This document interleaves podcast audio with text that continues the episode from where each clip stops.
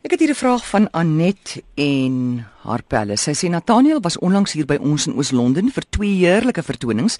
Dit was 'n reënerige week wat ons laat wonder het wat doen hy en sy span om die dag tussenin om te kry in 'n vreemde plek.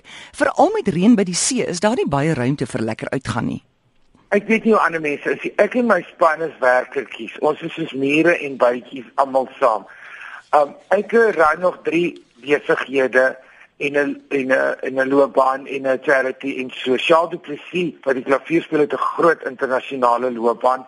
Hy is 30 uur van die dag besig om vlugte en goeie te boek. Werner Spies wat vir my baspeel besit vier restaurante. So gaan dit aan. So wanneer ons op 'n plek is hmm. en vir alles is nou kyk dit is die 29ste jaar wat ek sang.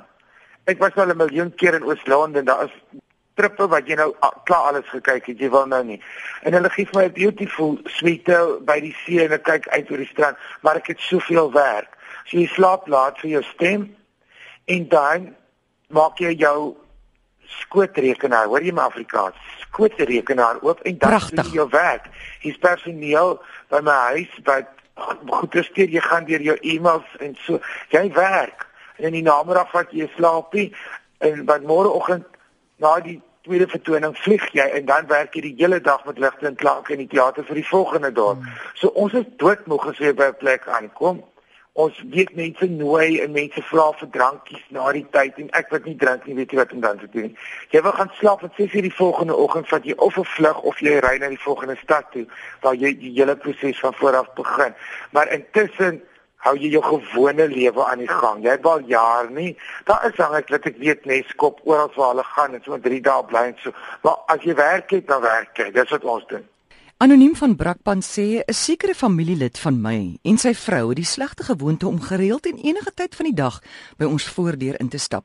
Hulle plak neer, vra vir koffie en tee en dan wil hulle sommer 'n broodjie ook by hê. Dan word daar gereeld gevra, "Wat maak jy met die ding of daai ding en kan ek dit maar kry?" Jong, hulle gaan loer sommer in by die garage om te kyk wat hulle kan smous sonder om te betaal en sonder skaamte. Hulle hele huise inhoud bestaan net uit goed wat hulle bedel. Ek en my vrou is nou keelvol. Het die mense nie skaamte nie? Weet in die jare wat ek nou al hierdie ding saam met jou doen, is dit die grootste ding wat ek geleer het en dit is om dankbaar te wees vir my familie. Want 'n mens kan nie kies wat jou familie is nie, maar ek het nog nooit sulke goed beleef nie. Hier is 'n groot sielkundige storie, daar's forums deur die hele wêreld oor hierdie ding en jy moet gaan Google how to say no to family members. Daar is boeke, hoofstukke, daar is websites, web webwerwe, daar is mm. geselsgroepe, daar's ondersteuningsgroepe, daar is sielkundige groepe oor hierdie onderwerp wat maak jy wat iewers in jou agterkop sê jy kan nie iemand op 'n plek sit. Hierdie mense het nodig om op 'n plek te sit.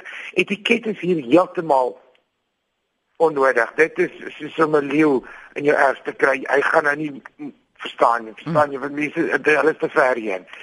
Nommer 1, hulle stap enige tyd by ons voordeur in. Brakpanse mense wat bestaan en woon in Suid-Afrika, sluit jou voordeur, nommer 1. Dat iemand 'n klokkie lui, dan het jy die volste reg om nie die deur oop te maak. Dan kan jy reëls sit vir mense en jy as mense sê ek maak nie met daai ding dan sê jy dis een van my gunsteling goed. Ek is mal daaroor. En as mense sê kan ek dit maar kry dan sê jy nee. Um wat gebeur in hierdie situasies is daar kom 'n sielkundige aspek. Nommer 1 moet jy jouself nooit verduidelik nie.